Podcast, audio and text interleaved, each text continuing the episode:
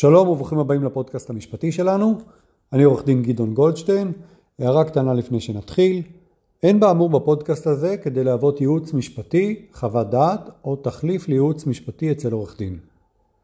חברים, אנחנו נמשיך בפרק השני שיעסוק ברכישת נכס מכינוס נכסים או בהזמנה להציע הצעות, והפעם נדבר על מונח מאוד מעניין שנקרא as is. אז בואו ניקח דוגמה, נניח שאתם קוראים, מעללים להנאתכם בעיתוני סוף השבוע, ובאחד המדורים הכלכליים, או בעיתונות הכלכלית, נתקלים באיזושהי מודעה מעניינת שתפסה את העין שלכם, ואני אתן לכם דוגמה למודעה כזאת. אז זה מתחיל כך, הזמנה להציע הצעות לרכישת מגרש ובניין בשלמותו, אני לא אפרסם את הפרטים כמובן, זה הולך כך, בא כוח הבעלים בממכר מתכבד להזמין בזאת אה, הצעות לרכישת מלוא זכויות הבעלים בנכס המקרקעין הידוע כחלקה, גוש, כך וכך, הכולל מגרש בשטח של כך וכך מטר רבוע, ברחוב כך וכך בתל אביב, ועליו מבנה בין איקס קומות, המשמש כיום למשרדים ומושכר במלואו בשטח של איקס מטר רבוע, וכולי וכולי, וכל הזכויות הגלומות בו. והנה ההזמנה להציע הצעות.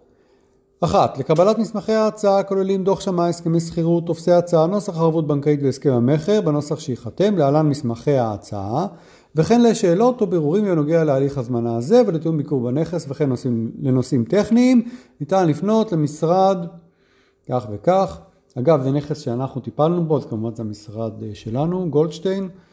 שתיים, הממכר יימכר במצבו כפי שהוא, בסוגריים as is, על סמך בדיקות עצמאיות של המציע וללא הסתמכות על מצג או הצהרה כלשהם מטעם הבעלים, החתומטה או כל צד הקשור עם בכוח הבעלים. האחריות המלאה לבדיקת כל הנתונים, הזכויות והחובות בקשר עם הממכר, לרבות הנתונים העובדתיים, הכלכליים, העסקיים, התוכנוניים, הרישויים, המשפטיים, המוטלת על המציע בלבד ועל חשבונו. שלוש, הצעות תוגשנה אך ורק בנוסח אחיד על גבי טופס ההצעה, בצירוף ההסכם המצורף למסמכי ההצעה, כשהוא חתום ומאומת על ידי עורך דין ובצירוף המחאה בנקאית על סך עשרה אחוז מסכום ההצעה שמועד פירעונה לא יאוחר ממועד הגשת ההצעה, או ערבות בנקאית אוטונומית ובלתי מותנית של בנק בישראל על סך עשרה אחוז מסכום ההצעה הניתנת לחילוט על פי דרישה שתוקפא עד ליום כך וכך לפחות וניתן להערכה לפי דרישת החם חתומטה בנוסח מסמכי ההצעה אשר חולטו כפיצוי מוסכם ומוערך מראש ככל שהמציע יחזור בו מהצעתו וככל שהצעת המציע תתקבל והמציע לא יקיים את התחייבויותיו הכלולות בהצעתו בהסכם במלואן, ההמחאה או הערבות יפקדו, אה, יירשמו על שם עורך דין גדעון גולדשטיין וההצעות תוגשנה בדואר רשום למשרד עורך דין גולדשטיין וכולי וכולי. סעיף הבא, בין, בין המציעים שהצעתם תהיה בין הגבוהות ביותר, תתקיים התמחרות זוכרים שדיברנו על ההתמחרות בפרק הקודם? נמשיך. עם זאת, בכוח הבעלים המוכרים שומר לעצמו את הזכות להאריך את התקופות להגשת הצעות, לנהל משא ומתן בכל שלב עם כל מציע בנפרד, ואו לשנות את תנאי ההתקשרות תוך כדי המשא ומתן, מבלי לידע, מבלי להודיע ליתר המציעים, או לוותר על התמחרות, הכל לפי שיקול דעתו הבלעדי והמוחלט, ללא הגבלה וללא צורך בהנמקה. ההצעה הגבוהה ביותר תועבר לאישור הבעלים אשר אינם מתחייבים מראש לקבל אותה או כל הצעה שהיא. ההמחאה או הערבות הבנקאית לפי העניין יוחזרו למציע אשר הצעתו לא תתקבל, אמ, לא ישולמו דמי תיווך ו/או עמלה כלשהם על ידי החתומטה או הבעלים, וסעיף אחרון, אין לראות בהזמנה זו משום מכרז, היא אינה מהווה מכרז ולא יחולו עליה דיני המכרזים. הגשת ההצעה אינה מהווה קיבול כמונח משמעות זה בחוק החוזים, חלק כללי התשל"ג 1973, ורק חוזה חתום על ידי הבעלים יחייב אותם. חברים, המילים as is שמשום מה מופיעות באנגלית תופסות את תשומת הלב שלנו. ואני אקריא שוב את הסעיף הרלוונטי. הממכר יימכר במצבו כפי שהוא, בסוגריים as is, סגור סוגריים, על סמך בדיקות עצמאיות של המציע וללא הסתמכות על מצג ו/או הצהרה כלשהם מטעם הבעלים, החתומטה ואו כל צד הקשור עם בא כוח הבעלים. האחריות המלאה לבדיקת כל הנתונים והזכויות החובות קשר לממכר, לרבות הנתונים העובדתיים, הכלכליים, העסקיים, התכנוניים, הרישויים והמשפטיים, מוטלת על המציע בלבד ועל חשבונו. על מה אנחנו מדברים?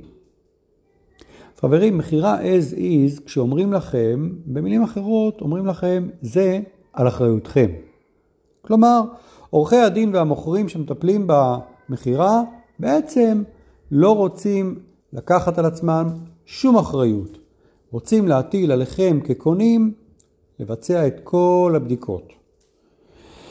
למעשה, בהסכם המכר, עורך הדין מן הסתם גם ידרוש שתופיע בו פסקה שתחתמו עליה, שבה אתם מתחייבים שהגשתם הצעה לרכוש את הנכס אך ורק על בדיקות, על סמך בדיקות שאתם כקונים עשיתם, ולא על סמך שום מצב, מצג או התחייבות של המוכרים, למעט אולי מצגים והתחייבויות ספציפיים שכתובים במפורש במסגרת ההסכם. ורגע לפני שנגיע לפרשנות המשפטית של as is, אולי זה המקום לשאול. האם אתם כקונים יכולים להסתייע בעורך דין לרכישת נכס בהליך של הזמנה להציע הצעות?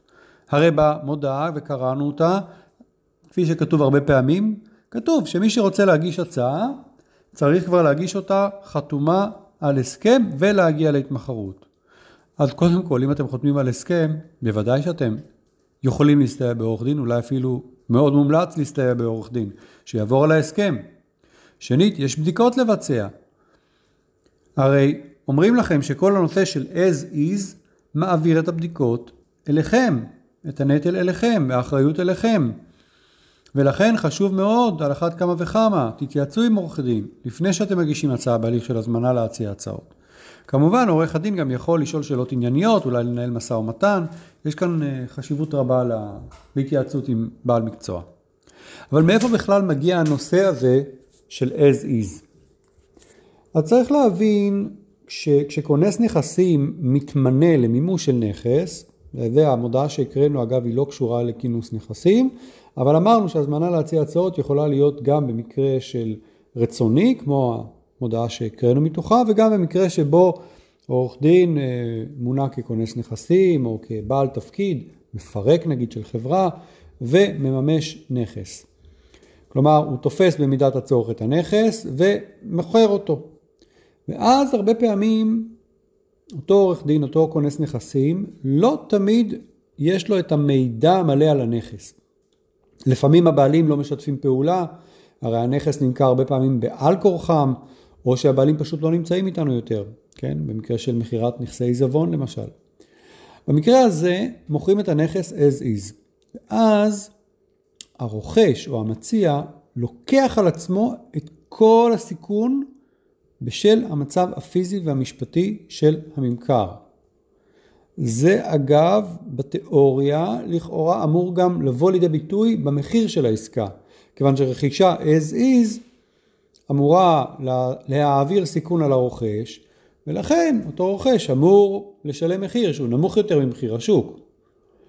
אתם זוכרים שבפרק הקודם דיברנו על השמאות, אמרנו שעורך הדין שמטפל במכירה מסתייע בשמאי, והשמאים יכולים גם להתייחס לשווי של הנכס במימוש מהיר, כלומר במקרה שלא מוכרים מוכר ברצון לקונה מרצון, אלא למשל בכינוס נכסים, ואז המידע הוא מוגבל על הנכס, ולכן כשמוכרים אותו as is, אז מחיר המימוש, שווי המימוש אמור להיות נמוך ממחיר השוק. זה נכון ונחמד אולי בתיאוריה, בפועל אני בכלל לא בטוח שזה מה שקורה, למעשה מניסיוני הרבה פעמים מה שקורה הוא ההפך, נכסים נמכרים as is ולמרות זאת הם נמכרים במחיר הרבה יותר גבוה ממחיר השוק. אבל זה כבר פונקציה של איך מנהלים את ההתמחרות, מי מנהל את ההתמחרות, האם זה עורך דין בעל ניסיון, האם הוא יודע לגרום לעליית מחיר הנכס בהתמחרות, אבל צריך לדעת גם מי שרוצה למכור וגם מי שרוצה לקנות. בהחלט יכול להיות שלמרות שנכס נמכר as is הוא יימכר מעל למחיר השוק, לפעמים הרבה מעבר למחיר השוק. בואו נדבר רגע על מה זה אומר המונח as is מבחינה משפטית. אז הגדרתי לכם בקצרה, זה בעצם אומר שהנטל מוטל עליכם לבצע את הבדיקות, ובכל זאת חשוב לי כאן להביא איזשהו הסבר, אולי אפילו נביא את הדברים כפי שהם הוסברו בפסק הדין, תיק אזרחי 3283/01, זולברג נגד אה, הבנק הבינלאומי, פסק הדין ניתן ב-15 במרץ 2009, ואני אקריא לכם. עסקאות מכר as is, ובשמן המלא as is where is, נקשרות במצבים של חדלות פירעון כאשר בעל תפקיד כלשהו, עורך דין רואה חשבון למשל, ממונה על ידי בית המשפט או ההוצאה לפועל, בסוגריים כנאמן או כונס, כונס דרך כלל, סגור סוגריים, לטיפול בנכסי החייב ומכירתם. הן לשם צמצום חובות של החייב והן לשם הסדרת תביעותיהם של נושיו. בעל התפקיד הממונה מצוי בתחום הממכר על פי רוב פחות מן הרוכש הפוטנציאלי המעוניין בהשלמתה של עסקת המכר. בסוגריים ובעיקר אמורים הדברים באשר לנכסיהן של חברות חדלות פירעון. סגור סוגריים. כך שמתפקידו של הרוכש לחקור עסקת המכר על כלל היבטיה בטרם יתקשר בה. אי לכך מעבירה תניית מכר as is where is לרוכש הפוטנציאלי מירב הסיכונים, בסוגריים, ולא כללם כטענת הנתבעים, סגור סוגריים, ומחייבת הרוכש בבדיקה מקיפה ויסודית של נשוא המכר על כלל מאפייניו בטרם יהפוך לרוכש ממש, ויש פה פסקי דין שמצוטטים קודמים. בהמשך לאותו פסק דין, בית המשפט המחוזי מבהיר למה בעצם לא מדובר בהעברת כל הסיכונים, אלא רק מרב הסיכונים. אוקיי? אז אני לא אקריא לכם מההתחלה, אבל נקריא את העיקר. מרגע שנכנסו הצדדים למשא ומתן לקראת כריתתו של חוזה, נמדדת התנהגותם על פי אמות המידה הקבועות בסעיף 12 לחוק החוזים, ולא בכדי. שהרי צדדים המתנה... המתחילים להתנהל ביניהם, אה, המתחילים לנהל ביניהם משא ומתן יוצרים יחסים קרובים. כבר בשלב הראשוני של יצירת הקשר אין הצדדים עוד זרים זה לזה, אלא עשויים הם להפוך לשותפים במובן של צדדים לחוזה. ויש כאן פסיקה ואני אקצר לכם, מערכת יחסים כאמור ראשונית ככל שתהא, מחייבת ביחסי אמון הדדיים הנגזרים מחובת תום הלב. כאשר אחד מתחומיה המובהקים הינו תחום הגילוי, היינו ציפייתו של כל צד שהאחר יגלה לו כלל הפרטים החשובים לשיקוליו, באם להתקשר בחוזה הספציפי, אם לאו. ושוב פסיקה שתומכת בכך. לפיכך אה, מחייב עקרון תום הלב כל צד לגלות לאחר עובדות חשובות. במקרים מסוימים אף כאלה שהיה בכוחו של הצד השני לגלות בעצמו, כל עוד מתחייבות ממהותה של העסקה ומנסיבותיה הסובבות. ושוב פסיקה. במצב הדברים הנבחן, כשהצד האחד למשא ומתן הינו בעל תפקיד ממונה, אזי חובת תום הלב המוטלת עליו הינה מוגברת מתוקף היותו Officer of the Court. חובות הגילוי הנגזרות מחובת תום הלב המובהקת כאמור מוגברות אף הן, מתקיימות לצידה של חובת הבדיקה המוטלת על הרוכש ואינן נדחות מפניה, כשם שביקשו למעשה הנתבעים לטעון. בעצם מה שאומר לנו השופט בפסק הדין הזה, למרות הניסיון של אותו כונס נכסים באותו תיק, באותו מקרה בפסק הדין, להעביר את כל האחריות לגמרי על כתפי הרוכשים, המציעים בהזמנה להציע הצעות. יש לנו סייג, לפחות סייג אחד, חובת תום הלב, מכוחה חובת גילוי. אותו כונס נכסים שידע על בעיות בנכס, חובתו הייתה לגלות את הבעיות המהותיות שעליהן הוא יודע. אוקיי? הוא לא יכול ליצור מצג ולומר הכל לגמרי עליכם, אני לא לוקח עליי שום אחריות ואפילו לא לגלות דברים מהותיים שהוא יודע עליהם. אוקיי, זה בגדול בפסק הדין הזה. כמובן, יש לזה חריגים וכל מקרה והנסיבות שלו, אבל זה בגדול.